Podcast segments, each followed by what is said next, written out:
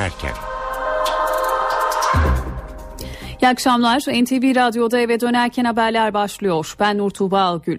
Türkiye ve dünyadan günün önemli gelişmeleriyle sizlerle birlikte olacağız. Öne çıkan haberlerin özetiyle başlıyoruz. Emniyetteki paralel olarak nitelenen yapıya dönük operasyonda 3 gün geride kaldı. İlk tutuklama kararları bugün çıktı. Mahkemeye sevk edilen 14 polisten 8'i tutuklandı. Adliyeden son notları canlı bağlantıyla aktaracağız. Adana'daki yasa dışı dinleme davasında iki emniyet müdürü 6 sanık polis hakkında meslekten ihraç kararı çıktı. İsrail'in Gazze bombardımanında hayatını kaybedenlerin sayısı 817'ye ulaştı. Batı Şeria'da ayaklanma çağrısı yapıldı. Binler cuma namazı sonrası sokaklara döküldü. NTV muhabiri Caner Tuna sıcak bölgeden notlarını aktaracak. Düdük çaldı, yüksek hızlı tren yola çıktı. Ankara İstanbul hızlı treni ilk seferini Başbakan Recep Tayyip Erdoğan'ın da katılımıyla yapıyor. Yüksek hızlı tren yaklaşık bir buçuk saat sonra İstanbul'da olacak. Sanat dünyasından acı haber. Usta oyuncu Çolpan İlhan geçirdiği kalp krizi sonucu 78 yaşında hayatını kaybetti. 5 günlük bayram tatili başladı. Vatandaş yollarda. Hem trafik durumuna hem de bayram telaşına bakacağız. Günün gündeminden satır başlarını aktardık NTV Radyo'da. Eve dönerken haberler başlıyor.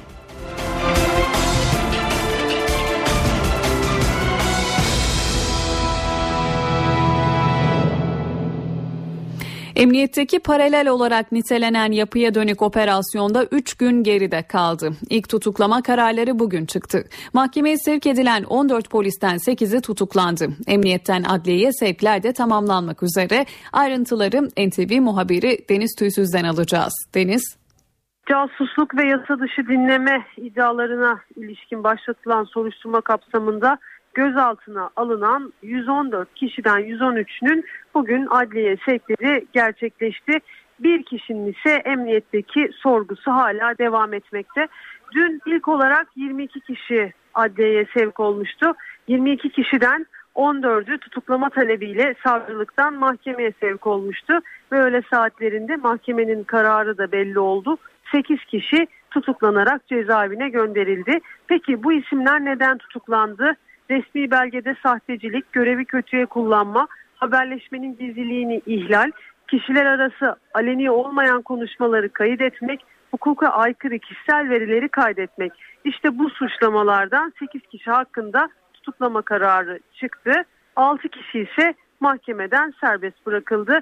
Sabah saatlerinden bu yana adliyede de hareketlilik devam ediyor gözaltına alınan İstanbul Emniyetinde bir dönem terörle mücadele şube müdürlüğü yapmış Ömer Köse ve istihbarat şube müdürlüğü yapmış Ali Fuat Yılmazer de bugün öğle saatlerinde adliyeye sevk edilen isimler arasında.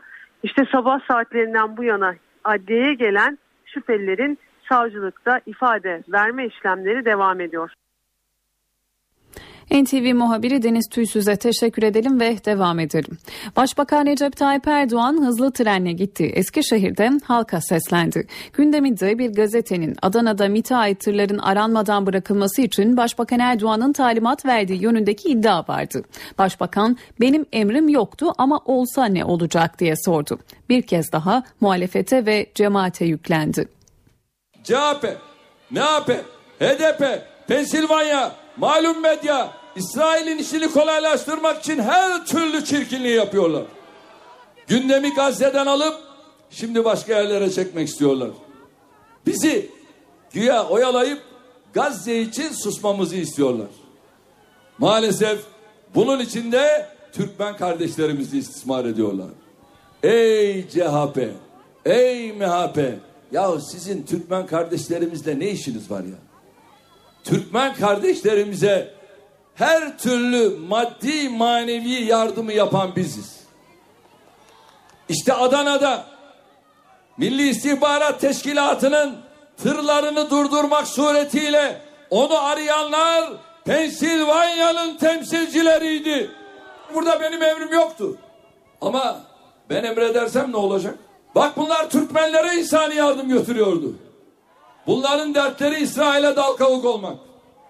Eğer dertleri Türkmenler olsa bu kadar sorumsuz, bu kadar pervasız, bu kadar ahlaksız davranmazlardı.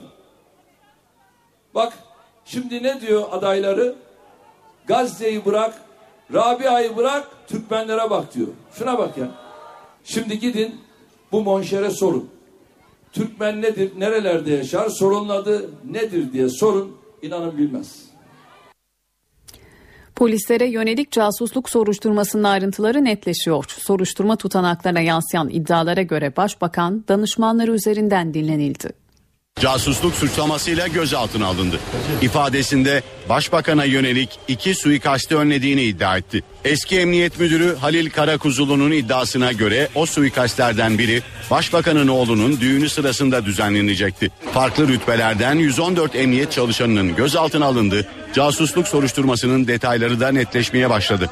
Sorgu tutanaklarına göre başbakan danışmanları üzerinden dinlendi. Gözaltına alınan polislerin başbakanın danışmanları Mustafa Varank ve Sefer Duran'ı dinledikleri öne sürüldü.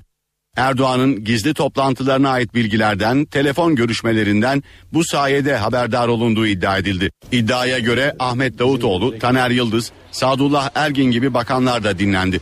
Emniyet sorgusunda şüpheli polislere bakanları ve MİT müsteşarını hangi yetkiyle dinledikleri soruldu. Operasyonun başlamasından bu yana ilk kez polis habercilerin görüntü almasını engellemek için uğraştı.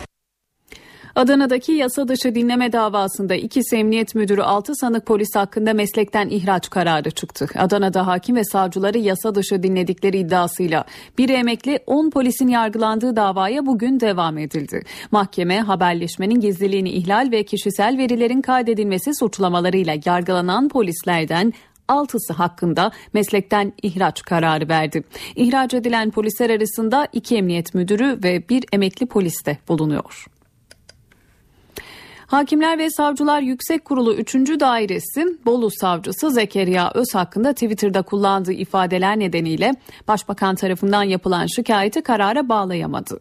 Dairenin 7 üyesinden 3'ü yıllık izinde olduğu için 4 üyeyle yapılan toplantıda 2 üye soruşturma açılsın derken diğer 2 üye soruşturma açılmaması yönünde oy kullandı. Bolu Savcısı Zekeriya Öz hakkında Başbakan Recep Tayyip Erdoğan'ın aleyhine attığı tweetler yüzünden Başbakanın da şikayeti üzerine inceleme başlatılmıştı. İncelemenin ardından soruşturma açılıp açılmamasına karar vermek üzere toplanan 3. daire 4 üyeyle toplandı ancak üyeler ikiye bölününce öz hakkında soruşturma kararı çıkmadı. Yıllık iznini kullanan diğer üyeler döndükten sonra 3. daire tekrar toplanacak ve öz hakkındaki soruşturma izni ilk gündem maddesi olacak. Adalet Bakanı Bekir Bozdağ hem emniyete yapılan paralel yapı operasyonu hem de savcı Zekeriya Öz'ün tartışma yaratan tweetleriyle ilgili konuştu. Bozdağ'ın o açıklamalarını dinliyoruz. Adli süreçlerle ilgili esasında söyleyecek fazla bir söz yok. Çünkü adli süreçler yasalarımızda öngörülen usuller çerçevesinde Cumhuriyet Savcıları tarafından yürütülür. Ee, benim söyleyeceğim belki buradan bu süreçlerin sağlıklı bir biçimde yürümesi, hukuk sınırları içerisinde yürümesidir.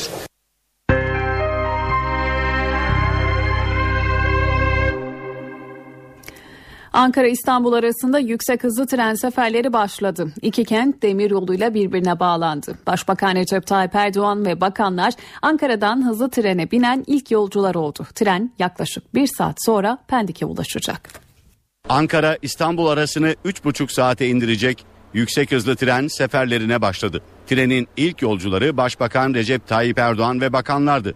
Başbakan Ankara'dan trene bindi. Ankara İstanbul arasındaki yüksek hızlı tren hattı Başbakan Erdoğan tarafından açılıyor. Peki yüksek hızlı tren ne kadar hızlı? Şu anda 245 kilometre hızla gidiyoruz ama 250 kilometreye geldi. Başbakan Erdoğan eşi ve bakanlarla birlikte ayrı bir vagonda seyahat etti. Yol boyunca Ulaştırma Bakanı Lütfi Elvan'dan, Başdanışmanı Binali Yıldırım'dan bilgiler aldı. Yüksek hızlı tren hattı sabotajlar nedeniyle geç açılmıştı. Bugün de çok yoğun güvenlik önlemleri var. Her üst geçitte emniyet görevlileri beklerken Başbakan Erdoğan da bu trende olduğu için 3 askeri helikopter yolculuğumuza eşlik ediyor. Hızlı tren Ankara'dan 9 istasyondan geçerek İstanbul'a ulaşıyor. Son istasyon Pendik. Hızlı tren hattının 2015'te Marmara ile birleştirilmesi hedefleniyor. Hızlı tren 6 gidiş 6 dönüş 12 sefer yapacak. Güvenli bir hizmet her şeyden önce. 250 kilometre süratte hiçbir sarsıntı hissetmeden gayet rahat bir şekilde ve gayet güvenli bir şekilde seyahat ediyoruz. Milliyetçi Hareket Partisi Grup Başkan Vekili Oktay Vural hızlı tren projesinin kendi hükümetleri döneminde başlatıldığını söyledi. Umarım hükümet teşekkür etmeyi unutmaz dedi. Vural hattın tamamlanmadan açıldığını da öne sürdü.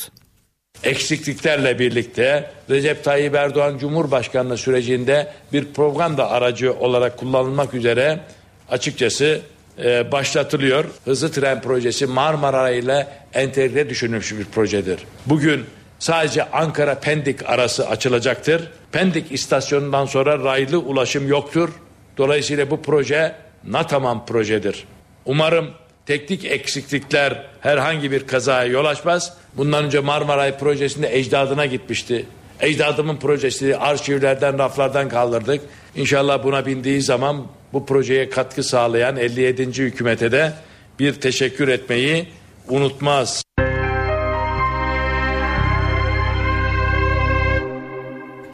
İsrail'in Gazze saldırıları Filistin'de infial yarattı. Hamas yeni bir intifada yani ayaklanma çağrısında bulundu. Dün gecenin ardından bugün de binler sokağa çıktı. Tel Aviv yönetimini protesto etti.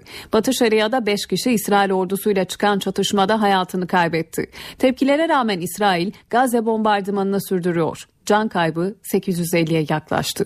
Ayrıntıları NTV muhabiri Can Ertuna'dan alıyoruz. Can İsrail'in Gazze operasyonu 18. gününde ve Gazze operasyonunun ateşi Batı Şeria ve Doğu Kudüs'e de sıçradı. Filistin topraklarında 14 yıldır olmadığı kadar ciddi protestolar düzenleniyor ve bu tarafta da hayatını kaybedenler var. Dün akşam saatlerinde binlerce kişi Batı Şeria'dan Kudüs'e El Aksa Camii'ne doğru yürüyüşe geçti. El Aksa Camii'nde namaz kılmak istiyorlardı. Bir yandan da elbette İsrail'in Gazze operasyonu protesto ediliyordu. Ancak İsrail güvenlik güçleri güvenlik noktasında, güvenlik duvarında o grubun önünü kesti. Kudüs kentine girmelerine izin vermedi. Zaten Batı Şerialılar, Batı Şeria'da ikameti olan Filistinliler Kudüs'e alınmıyorlar. Ancak orada çatışma çıktı. İki Filistinli hayatını kaybetti. 200 kişi yaralandı. Bugün de Batı Şeria'nın çeşitli noktalarında eylemler düzenlenmişti. Nablus'ta, Beytüllahim'de ve yine Doğu Kudüs eylemler vardı. Çıkan eylemler ve karşısında gelen müdahale sonucu 3 kişi daha hayatını kaybetti ve Batı Şeria ve Kudüs'te hayatını kaybedenlerin sayısı 5'e yükseldi. 200'den fazla yaralı var. Elbette akşam hava karardıktan sonra yani iftar sonrası buradaki eylemler yoğunlaşıyor. Önümüzdeki saatler neyi gösterecek bunu şu anda bilemiyoruz. Ancak Gazze'de operasyon devam ederken her geçen gün ölen Filistinlilerin sayısı katlanarak artarken Batı Şeria'da da ciddi bir gerilimin ve yoğun eylemlerin olduğunu belirtelim. Bazıları bunu üçüncü intifada olarak nitelendiriyorlar ancak belki bu tanım için henüz çok erken fakat şunu da belirtmekte fayda var. Filistin toprakları Batı Şeria bu boyutta eylemleri daha önce hiç yaşamamış eğer kısa sürede ateşkes sağlanmazsa eylemlerin Doğu Kudüs ve Batı Şeria bölgelerinde de daha da büyümesini bekliyoruz. Can Ertun'a NTV Radyo Kudüs. Evet sıcak bölgeden son notlar böyleydi. Akan kanın durması, ateşkesin sağlanması için girişimler de hızlanmış durumda. ABD Dışişleri Bakanı John Kerry'nin yeni bir ateşkes önerisi sunduğu ve taraflardan cevap beklediği belirtiliyor. Kerry'nin pazar gününden itibaren geçerli olmak üzere bir haftalık ateşkes önerisi getirdiği öne sürüldü. Ateşkes sürecinde İsrail ve Hamas'ın kalıcı barış için müzakerelere başlaması, Filistin yönetiminin de görüşmelere katılması öngörülüyor. Gelen bilgilere göre müzakereler Mısır'ın ara buluculuğunda ABD, Avrupa Birliği ve Birleşmiş Milletler'in garantörlüğünde olacak. Kerry, Hamas'ın ikna edilmesi için Türkiye ve Katar'dan da destek istedi. Dışişleri Bakanı Ahmet Davutoğlu bu amaçla Katar'da temaslarda bulunuyor. Gazze'de yalnız yetişkinler değil, hayata gözlerini yeni açmış bebekler de yaşam mücadelesi veriyor. İsrail füzelerine hedef olan noktalardan biri olan Şifa Hastanesi'nde prematüre doğan bebekler hayata tutunmaya çalışıyor. Bir bebeğin bulunması gereken küvezde 3 bebek kalıyor. Gazze'ye yönelik İsrail saldırıları sürerken dünyaya gelen bebekleri zorlu bir hayat mücadelesi bekliyor. Bombardıman altında prematüre doğdukları için yoğun bakımdalar. Hastanede olanaklar kısıtlı olduğundan bir bebeğin bulunması gereken küvezde 3 bebek var. Sağlıklarına kavuşsalar da bebeklerin ve ailelerin gidecek bir yeri yok. Bugün taburcu edilecektim ama gidecek bir yerim olmadığı için hastanede kalmama izin verdiler. İsrail saldırılarından kaçan ve doğum yapmak üzere şifa hastanesine sığınan anneler doğum servisinden ayrılamıyor. Taburcu etmemiz gereken çok sayıda bebek var ama burada kalıyorlar. Çünkü evleri yerle bir olduğu için aileleri bu bebeklere bakacak durumda değil. Bu büyük bir sorun. 16 yatak kapasiteli doğum servisinde 32 bebek var. Elektrik kesintileri ve tıbbi teçhizat sıkıntısının yanı sıra servis personeli yeni doğan bebekleri izlemek için 24 saat çalışıyor.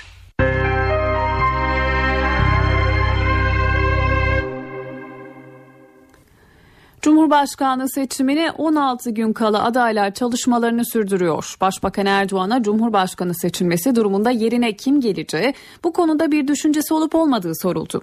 Başbakan aklımda bir değil birkaç tane isim var. Yeter ki Cumhurbaşkanı seçilelim yanıtını verdi. Erdoğan köşke çıksa bile yeni başbakanlık binasını ara sıra kullanabileceğini söyledi. Başbakan köşke çıkarsanız frak yer misiniz sorusuna da bizim geleneğimizde o yok. Başkalarının geleneğinde var karşılığını verdi. Çatal aday Ekmelettin İhsanoğlu ise bugün Diyarbakır'da halka seslendi. İhsanoğlu bölgenin refahı istikrardan geçiyor dedi. İhsanoğlu Kürt sorununun çözümünün demokrasi ve daha fazla özgürlükle mümkün olacağını söyledi. Bu bölge ülkemizin, Türkiye'mizin en önemli bölgelerinden birisidir. Tarihiyle, coğrafyasıyla ve insanlarıyla, zenginlikleriyle. Biz bu bölgenin tekrar huzur bölgesi, Dicle'nin sırf cennet ırmağı değil, dünya ırmağı olarak cennet misali olmasını temenni ederiz. Bu da ancak istikrarla olacaktır.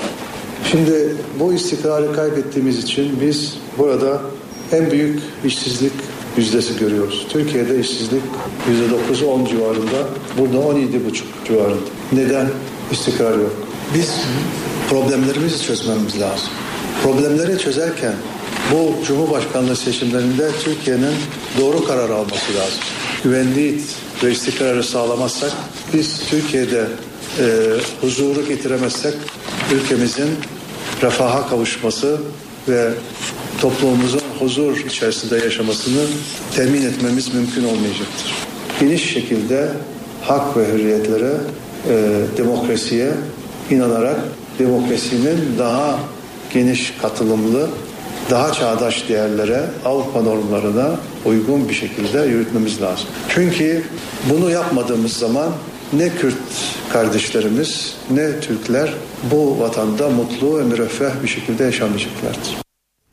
HDP eş başkanı Selahattin Demirtaş ise İstanbul'da kadın örgütü temsilcileriyle bir araya geldi. Demirtaş Cumhurbaşkanlığı seçimlerinde kadın aday olmamasını büyük bir eksiklik olarak niteledi.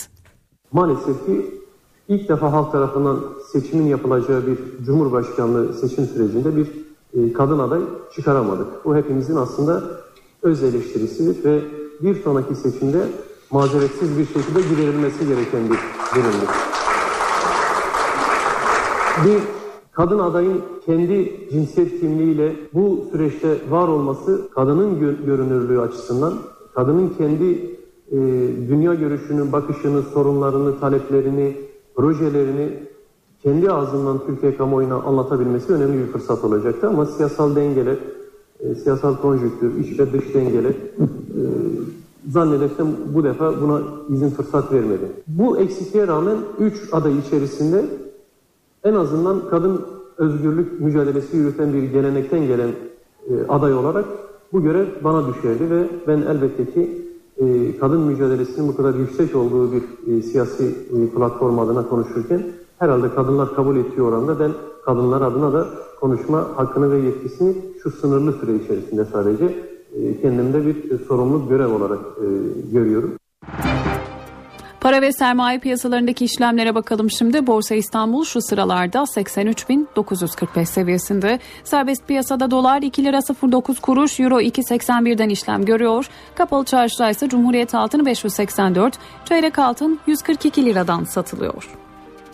İstanbul genelinde yol durumunu aktarıyoruz. Öncelikle köprü geçişlerine göz atalım. Boğaziçi Köprüsü'ne baktığımızda Cevizli Bağ'dan başlayan trafik köprü çıkışına kadar oldukça yoğun bir şekilde devam ediyor. Tam tersi istikamette de köprü girişine kadar oldukça yoğun bir trafik söz konusu diyebiliriz. Fatih Sultan Mehmet Köprüsü'ne baktığımızda ise Mahmut Bey gişelerden başlayan trafik köprü çıkışına kadar sürüyor. Tam tersi istikamette ise oldukça yoğun bir trafik var. Eve dönerken haberleri şimdi kısa bir ara veriyoruz. Saatler 18'i gösterdiğinde gündemde öne çıkan gelişmeleri aktarmaya devam edeceğiz. Eve dönerken devam ediyor. Saat 18 ben Nur Tuğba Algül NTV Radyo'da eve dönerken haberler devam ediyor. Günün öne çıkan haberlerinden satır başlarını hatırlayalım. Emniyetteki paralel olarak nitelenen yapıya dönük operasyonda 3 gün geride kaldı. İlk tutuklama kararları bugün çıktı. Mahkemeye sevk edilen 14 polisten 8'i tutuklandı. İsrail'in Gazze bombardımanında hayatını kaybedenlerin sayısı 817'ye ulaştı. Batı Şeria'da ayaklanma çağrısı yapıldı. Binler cuma namazı sonrası sokaklara döküldü. ABD Dışişleri Bakanı John Kerry taraflara bir haftalık ateşkes önerdi. Ateşkesin ayrıntılarına az sonra bakacağız. Düdük çaldı, yüksek hızlı tren yola çıktı. Ankara-İstanbul hızlı treni ilk seferini Başbakan Recep Tayyip Erdoğan'ın da katılımıyla yapıyor. Yüksek hızlı tren yarım saat sonra İstanbul'da olacak. Sanat dünyasından acı haber. Usta oyuncu Çolpan İlhan geçirdiği trafik kalp krizi sonucu 78 yaşında hayatını kaybetti. 5 günlük bayram tatili başladı. Tatilciler yollarda. NTV muhabiri Burak Özcan Fatih Sultan Mehmet Köprüsü'nden trafik durumunu aktaracak. Öne çıkan haberlerden satır başları böyle. Şimdi ayrıntılara geçiyoruz.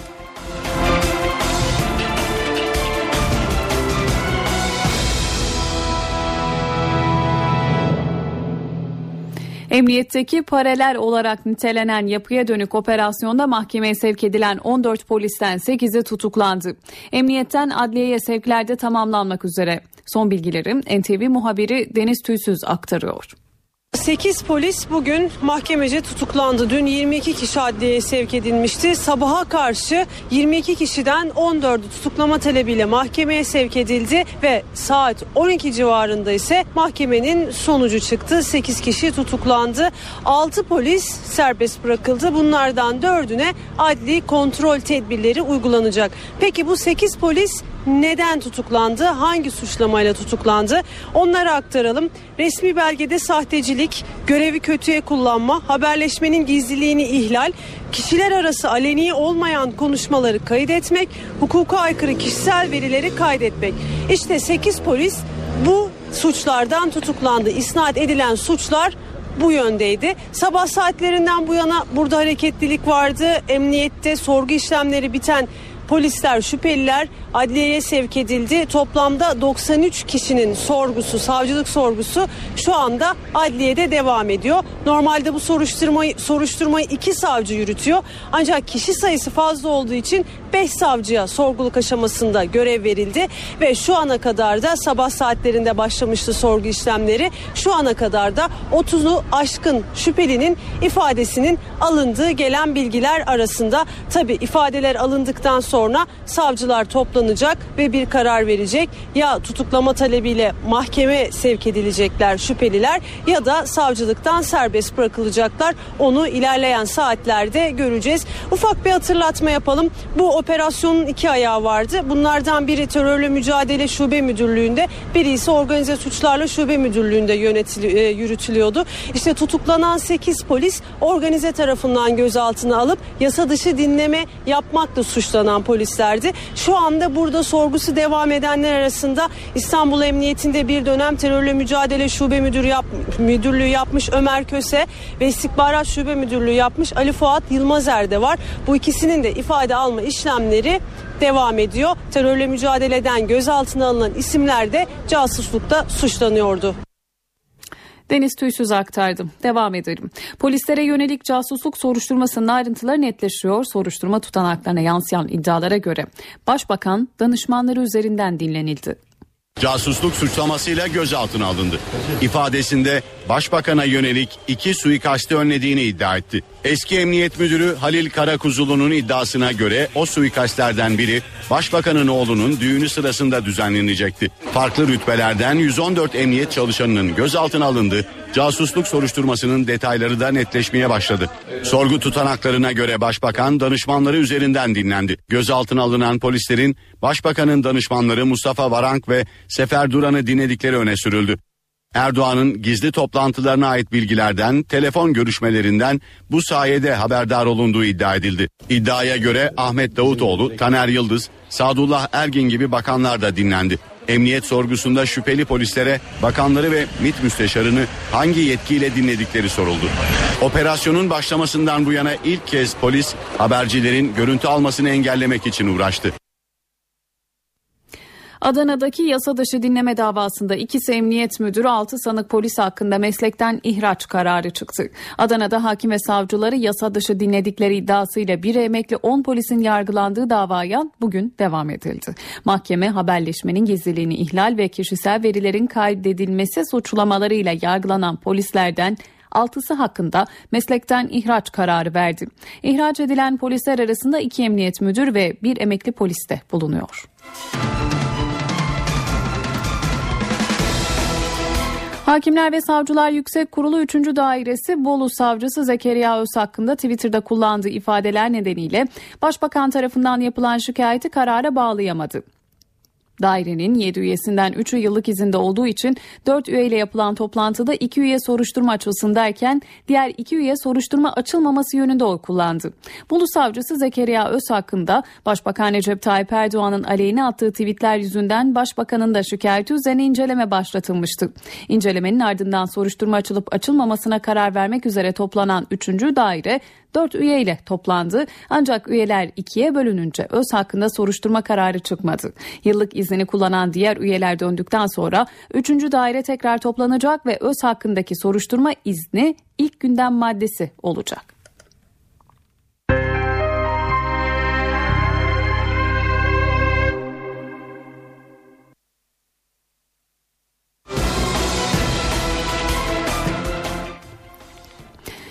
İsrail'in Gazze saldırıları Filistin'de infial yarattı. Hamas yeni bir intifada yani ayaklanma çağrısında bulundu. Dün gecenin ardından bugün de binler sokağa çıktı. Tel Aviv yönetimini protesto etti.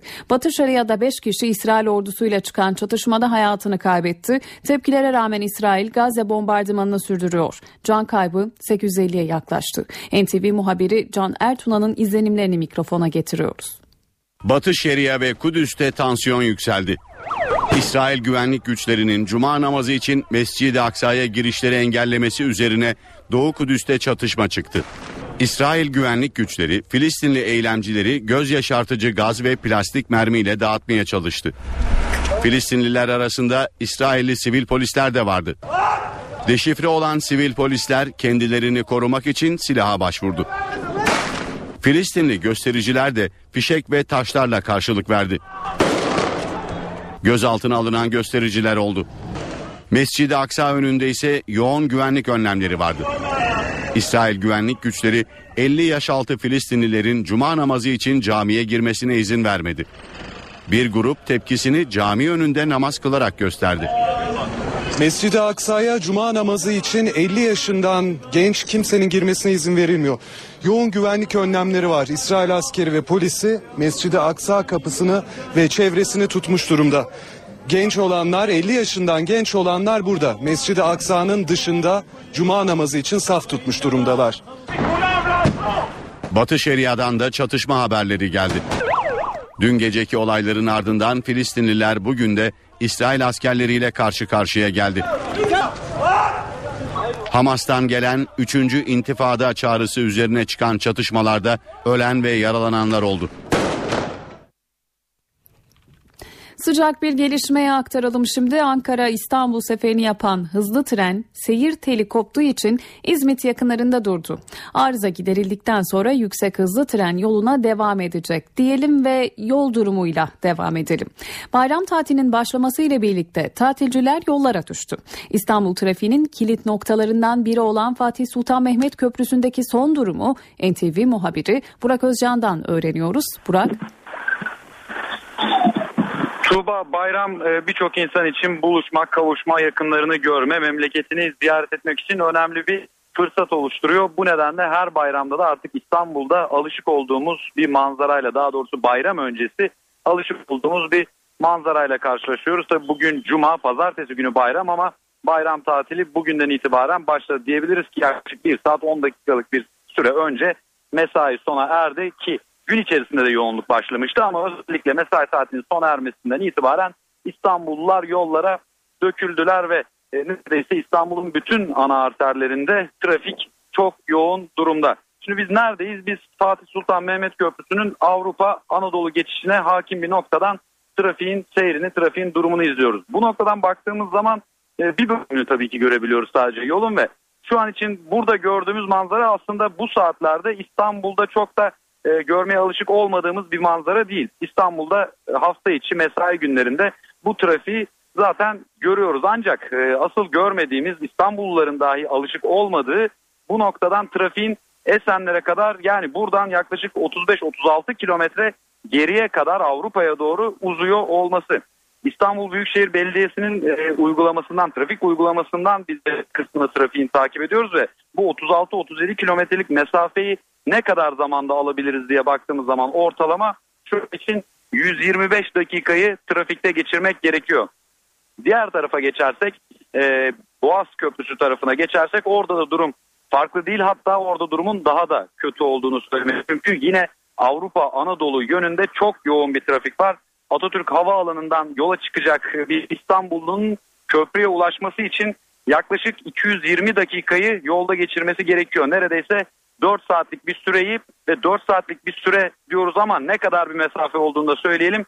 26 kilometrelik yaklaşık bir mesafe yani normal bir günde trafik olmadığında ortalama bir hızla 24-25 dakikada gidebileceğiniz bir mesafeyi şu an İstanbul'da gitmek için 220 dakikaya e, yaklaşık olarak ihtiyacı var İstanbulluların. Bir kötü haber daha verelim. O kötü haber tabii şimdi e, Avrupa'dan Anadolu'ya geçecek olan birçok İstanbullu bayramda e, ziyaretlere gidiyorlar. Belki yazlıklarına gidiyorlar. Memleketlerine gidiyorlar dedik. E, İstanbul'u Anadolu'ya bağlayan yol, TEM yolu.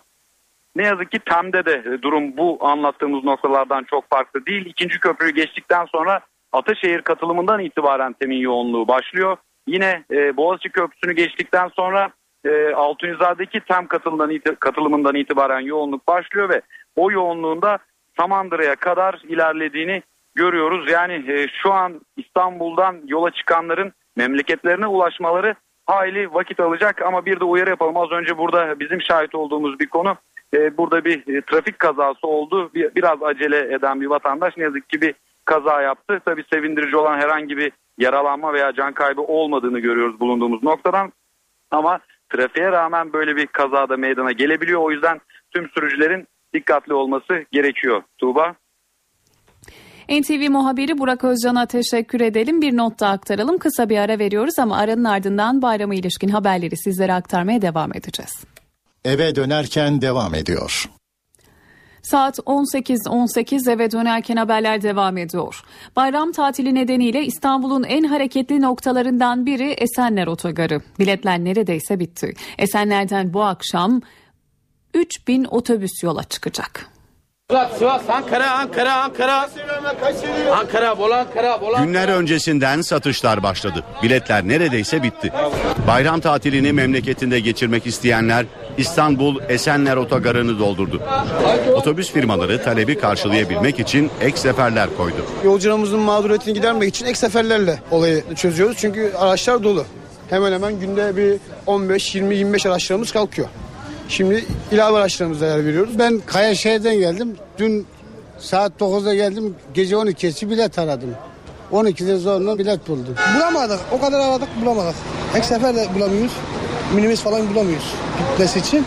Mecbur bile misafir olarak kalacağız buralarda. Son iki yolcu, son iki yolcu Samsun. Bayram boyunca yurt genelinde otobüslerin 10 milyon yolcu taşıması bekleniyor.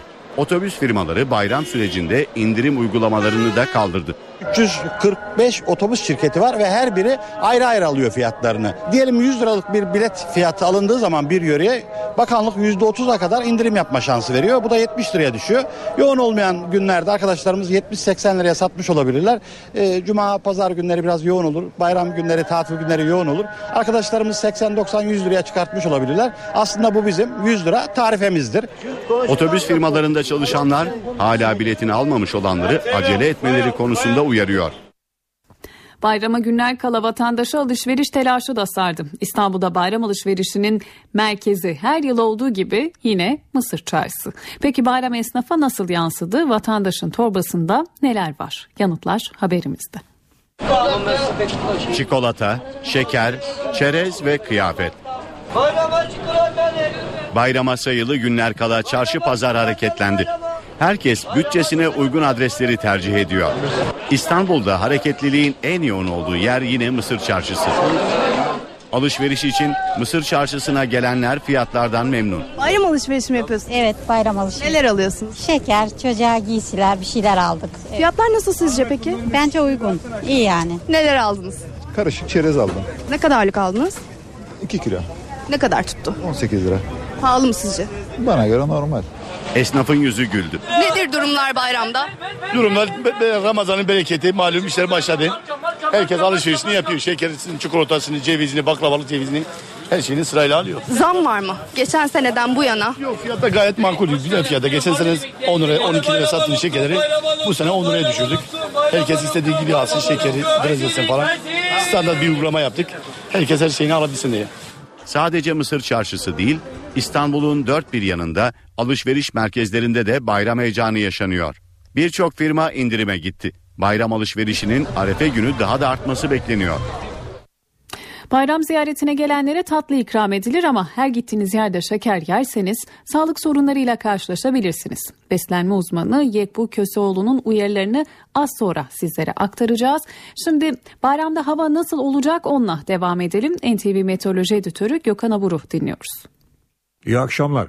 Hafta sonu yerel yağışlar görülse de bayram ve sonrasında önemli bir yağış beklemiyoruz.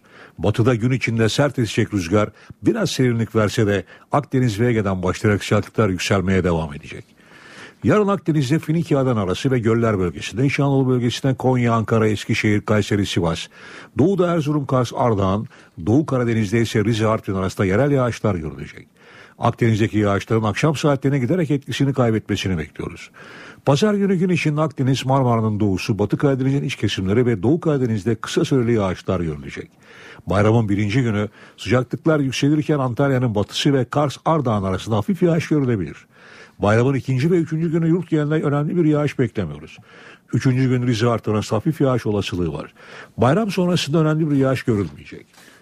İstanbul'da yarın hava parçalı bulutlu, Poyraz sert esecek, sıcaklık gündüz 31, gece 22 derece olacak. Bayramda İstanbul'da yağış görülmeyecek. Ankara'da yarın 2-3 ilçede yaz sağanağı görülebilir. Sıcaklık gündüz 33, gece ise 18 derece olacak. İzmir'de rüzgar yine biraz serinleşecek. Hava açık, sıcaklık gündüz 33, gece ise 21 derece olacak. Hoşçakalın. Liderlerin bayram programına da bakalım. Bayramı Cumhurbaşkanı Abdullah Gül Ankara'da, Başbakan Erdoğan İstanbul'da karşılayacak. CHP Genel Başkanı Kemal Kılıçdaroğlu ve MHP Genel Başkanı Devlet Bahçeli ise Ankara'da olacaklar. Cumhurbaşkanı Abdullah Gül Ramazan bayramının ilk günü Ankara'da olacak. Cumhurbaşkanı adayı ve Başbakan Recep Tayyip Erdoğan ise bayramı İstanbul'da karşılayacak. Başbakan bayramdan sonra köşk seçimi için mitinglerine hız verecek. Günde iki ilde seçmen karşısında olması bekleniyor. Cumhurbaşkanı adayı Ekmelettin İhsanoğlu da bayramın ilk günü İstanbul'da olacak. Halkların Demokratik Partisi'nin köşk adayı Selahattin Demirtaş ise önce Uludere'de olacak. Demirtaş bayramın ikinci gününü Hakkari ve Van'da geçirecek. Üçüncü günü ise İstanbul'da. Muhalefet liderleri ise bayramı Ankara'da karşılayacak. CHP Genel Başkanı Kemal Kılıçdaroğlu başkentte olacak. MHP lideri Devlet Bahçeli ise bayram boyunca partililerle buluşacak. Bahçeli ilk gün Ankara'da, ikinci gün İstanbul'da, üçüncü gün ise İzmir'de salon toplantılarında partililere seslenecek. Az önce aktarmıştık bir kez daha yineleyelim. Bayramda neler yemelisiniz, nelere dikkat etmelisiniz? Bu sorunun cevabını beslenme uzmanı Yekbu Köseoğlu aktarıyor. Bayram ziyaretlerinde tatlı tüketimine dikkat etmek gerekiyor. Uzmanlar ikramlara hayır demekten çekinmeyin diyor. Yani keşke yiyebilsek ama maalesef vücudumuz bu kadar çok şekere e, reaksiyon gösterecektir. Özellikle bu kadar sıcak günlerde. E, vücudun bu kadar fazla karbonhidrat alması ve şeker alması doğru değil. E, sıvı tüketimini de etkiliyor tabii ki bu durum. Yani zaten terlemeyle birlikte oldukça fazla su kaybediyoruz. Mutlaka 2-2,5 litrelik su içme e, öneriliyor mutlaka yaz aylarında veya Ramazan sonrasında. 30 günlük oruçtan sonra vücut nasıl normal düzenine geçecek? Diyetisyen Yekbu Köseoğlu'na göre mutlaka 3 öğün yemek yenmeli. Hatta ara öğünler eklenmeli. Ve 17 saatlik açlıktan sonra normal bir beslenmeye geçerken de küçük porsiyonlarda azar azar sık sık yemeyi öneriyoruz. Mümkün olduğunca kızartma yiyeceklerden uzak durulmasını öneriyoruz. İşte e, çok yağlı yiyecekler, kızartmalar e, etler, tavuklar, e, börekler, dolmalar, sarmalar değil de daha ızgara veya haşlama ya da fırınlanmış et, tavuk, balık tüketmek, zeytinyağlı, soğuk sebzeler tüketmek, taze meyveler, belki sorbe, dondurma gibi tatlıları, sütlü tat- tatlıları tercih etmek bayram için aslında en güzel öneriler. Bayramda tatlı tüketiminin günde 2 porsiyonu geçmemesi öneriliyor. Az önce sıcak bir gelişme olarak aktarmıştık. Seyir teli koptuğu için İzmit yakınlarında duran yüksek hızlı trenin teknik arızası giderildi. Tren yeniden İstanbul'a doğru yola çıktı. Devlet Demiryolları Genel Müdürü Süleyman Karaman da bir açıklama yaptı. Karaman, şimdiye kadar görülmemiş bir olay incelemesini yapacağız dedi. Tren yarım saat içinde Pendik'te olacak. Sanat dünyası yasta. Türkiye usta bir oyuncuyu kaybetti. Sanatçı Sadri Alışık'ın eşi Çolpan İlhan yaşamını yitirdi. 300'ün üzerinde filmde rol alan İlhan pazar günü son yolculuğuna uğurlanacak. Bir yaşam boyu ödülü aldığım için çok ama çok mutluyum. Usta oyuncu Çolpan İlhan kalp krizi sonucu yaşamını yitirdi. 78 yaşındaydı. Aciz yapmaktan başka çaremiz yok. Çolpan İlhan'ın hayatının her noktası sanatla iç içe oldu. Şair Atilla İlhan'ın kız kardeşi, sinema sanatçısı Sadri Alışık'ın eşiydi. Oğlu Kerem Alışık da oyunculuğa gönül verdi. İzmir'de dünyaya gelen İlhan tiyatroyla İstanbul Belediye Konservatuvarı'nda tanıştı. Arkadaşlarıyla Akademi Tiyatrosu'nu kurdu. Birçok oyun sahneye koydu. Vatan için, kendi kalp ağrısı için. İlk profesyonel oyunu Sevgili Gölge'de Münir Özkul ve Uğur Başaran'la çalıştı. İlerleyen yıllarda farklı tiyatrolarda görev aldı. Tersine dönen Şemsiye, Yarın Cumartesi, Bahar'ın Sesi ve Nalınlar rol aldığı oyunlardan bazıları. 1957'de rol aldığı ilk sinema filmi Kamelyalı Kadın'da başrol oynadı. 300'e yakın filmde rol aldı. Eşi Sadri Alışık, ağabeyi Atilla İlhan gibi sanat dünyasında derin bir iz bıraktı. 1998'de devlet sanatçısı ünvanı aldı. Çolpan İlhan için 27 Temmuz Pazar günü saat 10.30'da Akatlar Kültür Merkezi'nde tören düzenlenecek. İlhan cenaze töreninin ardından eşi Sadri Alışık'ın mezarının yanına defnedilecek. Şanlıurfa'nın Halfeti ilçesinde iki motosikletçinin öldürülmesiyle ilgili olayda yeni ayrıntılar var. Polis soruşturmayı motosikletçilerin yanında tespit edilen iki kişi üzerinde yoğunlaştırdı. Arkadaşlarının öldürülmesine tepki gösteren motosikletliler ise bugün Tem'de eylem yaptı. Şanlıurfa'daki motorcu cinayetinde yeni ipuçlarına ulaşıldı. Mobese kayıtlarına göre Abdullah Türk ve Engin Öksüz Halfeti'deki metruk eve iki kişiyle birlikte gitti. Kimliği belirsiz iki kişi yaklaşık yarım saat sonra evden ayrıldı. İki motorcunun cesedi ise çevredekilerin evden gelen kokuyu fark etmesi üzerine bulundu. Bölgede yapılan incelemede Türk ve Öksüz'e ait motosikletler metruk evin yakınında iki farklı noktadaydı. Polis kamera kayıtlarından zanlıların eşkallerini belirlemeye çalışıyor. Motorculardan Engin Öksüz'ün cenazesi Adana Adli Tıp Kurumu'ndaki otopsi işleminin ardından İstanbul'a gönderildi. Cenaze Sabiha Gökçen Havalimanı'nda sosyal medyadan organize olan yaklaşık 300 motosikletli tarafından karşılandı. Olaya tepki gösteren motosikletliler Tem'de bir süre eylem yaptı. Çok üzüntülüyüz motosiklet camiası olarak. Emniyet güçlerinin, emniyet birimlerinden bir an önce e, bu cinayetin faillerinin bulunmasını istiyoruz. Ve bu olayın takipçisi olacağız. Motosikletliler Öksüz'ün evine kadar cenaze aracına eşlik etti. 4 kişilik bir ailenin açlık sınırı 1177 liraya, yoksulluk sınırı ise 3835 liraya yükseldi. Türk İş'in araştırmasına göre 4 kişilik bir ailenin sağlıklı, dengeli ve yeterli beslenebilmesi için yapması gereken gıda harcaması tutarı olarak bilinen açlık sınırı Temmuz'da 1177 lira oldu. Gıda harcamasıyla birlikte giyim, kira, ulaşım gibi temel ihtiyaçlar için yapılacak harcamaları da içeren yoksulluk sınırı ise 3835 lira olarak hesaplandı. Türk İş yaz mevsimine rağmen gıda fiyatlarının düşmediğini belirtti. Dünya nüfusunun neredeyse üçte biri ya yoksul ya da yoksulluk tehdidiyle karşı karşıya. Birleşmiş Milletler'in kalkınma raporuna göre 3.5 milyar kişinin toplam geliri en zengin 85 kişinin gelirine yetişemiyor. Gelişmekte olan 91 ülkede 1,5 milyar kişi yoksul. 800 milyon kişi yoksulluk tehdidiyle karşı karşıya. Dünya nüfusunun %12'si ise kronik açlık çekiyor. Veriler Birleşmiş Milletler Kalkınma Programı'nın raporundan. Raporda dikkat çeken bir diğer unsursa dünyada zengin ve yoksul arasında artan uçurumun giderek derinleşmesi. Dünyanın en zengin 85 kişisinin geliri en yoksul 3,5 milyar kişinin yani dünya nüfusunun yarısının gelirinin toplamından fazla. Yoksulluk gelişmiş ülkeleri gelişmekte olan ülkeler kadar etkilemiyor. Birleşmiş Milletler'in en gelişmiş ülkeler sıralamasında Norveç, Avustralya ve İsviçre ilk üçte. Türkiye ise 187 ülke arasında bir önceki yıla göre 90. sıradan 69. sıraya yükseldi. İnsani Gelişim Endeksi Türkiye'de yaşam süresinin uzadığını, bilgiye erişim ve insana yakışır yaşam standardının arttığını gösteriyor. Endeksin en sonunda ise Orta Afrika Cumhuriyeti, Kongo ve Nijer bulunuyor. Para ve sermaye piyasalarındaki işlemlere bakalım şimdi. Borsa İstanbul haftayı 84.219 puandan tamamladı. Serbest piyasada dolar 2 lira 09 kuruş, euro 2.80'den işlem gördü. Kapalı çarşıda ise Cumhuriyet altını 584, çeyrek altın 142 liradan satıldı. Saat 18.32 öne çıkan haberlerin satır başlarını hatırlatalım. Seyir teli koptuğu için İzmit yakınlarında duran yüksek hızlı trenin teknik arızası giderildi. Tren İstanbul'a doğru yola çıktı.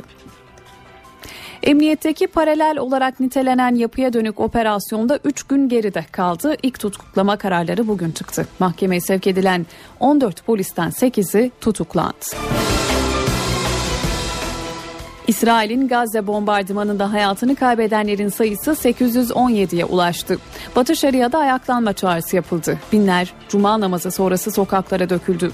ABD Dışişleri Bakanı John Kerry taraflara bir haftalık ateşkes önerdi. Beş günlük bayram tatili nedeniyle vatandaş yollara düştü. İstanbul'da trafik durma noktasına geldi. Köprü ve Tem otoyolunda araç yoğunluğu yaşanıyor. Satır başlarını aktardık. Şimdi kısa bir araya gidiyoruz.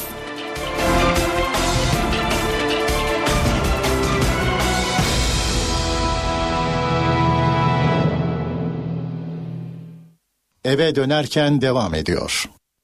Saat 18.38 eve dönerken haberler devam ediyor. 116 yolcusuyla dün düşen Cezayir yolcu uçağının enkazına ulaşıldı. Kurtulan yok. Ekipler enkaza Mali'nin Burkina Faso sınırı yakınlarındaki Gossi bölgesinde ulaştı. Yolcu uçağına ait enkazın geniş bir bölgeye yayıldığı, kazadan kurtulan olmadığı açıklandı. Burkina Faso Cezayir seferini yapan uçakla bağlantı kalkıştan 50 dakika sonra kesilmişti. Uçağın herhangi bir saldırıya hedef olmadığı kötü hava koşulları nedeniyle düştü ifade ediliyor. Rusya'nın aşırı sağcı Liberal Demokrat Parti Başkanı Vladimir Jirinovski, Putin yönetimine Kuzey Kıbrıs Türk Cumhuriyeti'ni tanıma çağrısı yaptı. Jirinovski bir Rus televizyonunda katıldığı programda Ukrayna krizi nedeniyle batılı ülkelerden Rusya'ya gelen tepkilere dikkat çekti.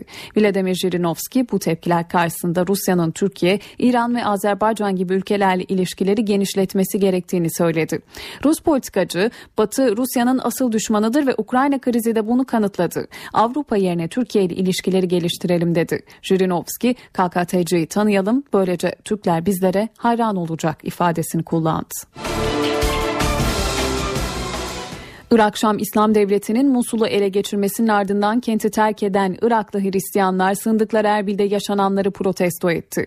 IŞİD ise Hristiyanların mallarına el koydu. Irak'ın Erbil kenti Hristiyan toplumunun protestosuna sahne oldu. Yüzlerce Iraklı Hristiyan, Irak Şam İslam Devleti örgütünün Musul'daki Hristiyanlara zulmünü protesto etmek için toplandı.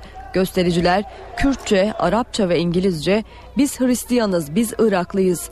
Ey IŞİD burası benim vatanım. Biz Irak'ın kökleriyiz yazılı pankartlar taşıdı. Hristiyanların bu trajedisi Irak rejiminin düşmesiyle başladı. Ama hiç bu kadar büyük bir göç yaşanmamıştı. Herkes evlerini terk etmek zorunda kaldı. Ne diyeceğimi bilmiyorum. Göstericiler arasında Müslümanlar da vardı. Protesto yürüyüşünün ardından Hristiyan ve Müslüman dört din adamı göstericilerin taleplerini Birleşmiş Milletler yetkililerine iletti. Eylemciler bir süre daha slogan attıktan sonra olaysız dağıldı. IŞİD geçen hafta dağıttığı bildiride Hristiyanlara Musul'u terk etmeleri için bir günlük süre vermişti. Bunun üzerine yüzlerce aile Musul'dan kaçarak Erbil'e sığınmıştı. IŞİD zorla gönderdiği Hristiyanların evleriyle diğer eşyalarına da el koymuştu. Bir dönem Chelsea genç takımında oynayan futbolcu Tabor Antalya Lara'da kaldığı otelde ölü bulundu. 4 yıl boyunca Chelsea genç takımının formasını giyen 23 yaşındaki oyuncu kız arkadaşıyla tatil yapıyordu. Otel çalışanları futbolcuyu sabah saatlerinde ölü buldu. Otelin bahçesinde bulunan futbolcunun 3. katın balkonundan düştüğü sanılıyor. Genç oyuncunun kesin ölüm nedeni otopside belli olacak. İstanbul genelinde yol durumunu aktarıyoruz. Bayram tatilinin başlamasıyla birlikte tatilciler yollara düştü. Hal böyle olunca da İstanbul genelinde oldukça yoğun bir trafik var diyebiliriz. Önce köprü geçişlerine göz atalım. Anadolu'dan Avrupa'ya geçişlerde Boğaziçi Köprüsü'nde köprü girişinde bir yoğunluk var. Tam tersi istikamette ise Atatürk Havalimanı'ndan başlayan yoğunluk Beylerbeyi'ne kadar sürüyor. Fatih Sultan Mehmet Köprüsü'ne de bir göz atalım.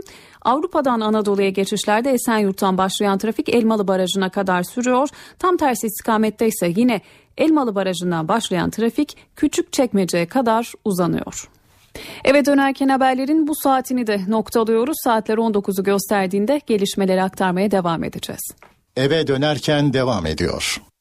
Saat 19 ben Nur Tuğba Algül eve dönerken haberlerde günün öne çıkan başlıklarını aktarıyoruz.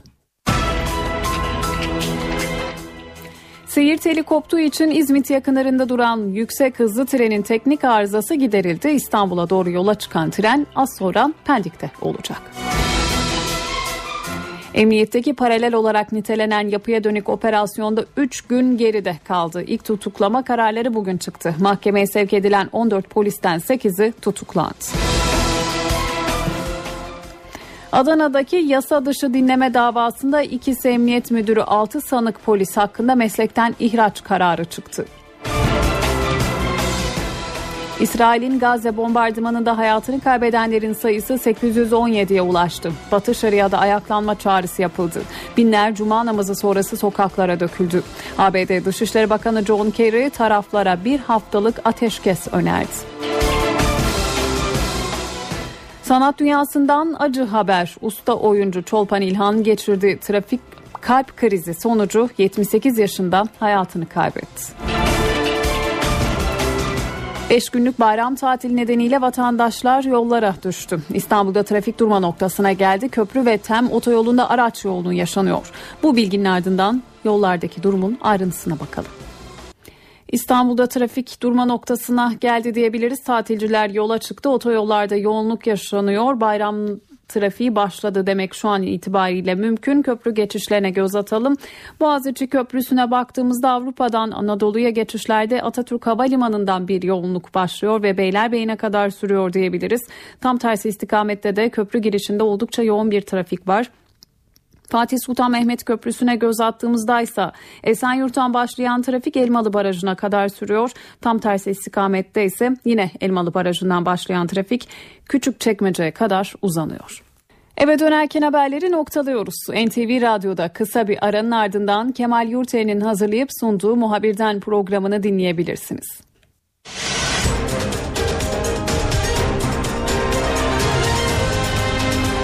NTV Radyo, Türkiye'nin haber radyosu.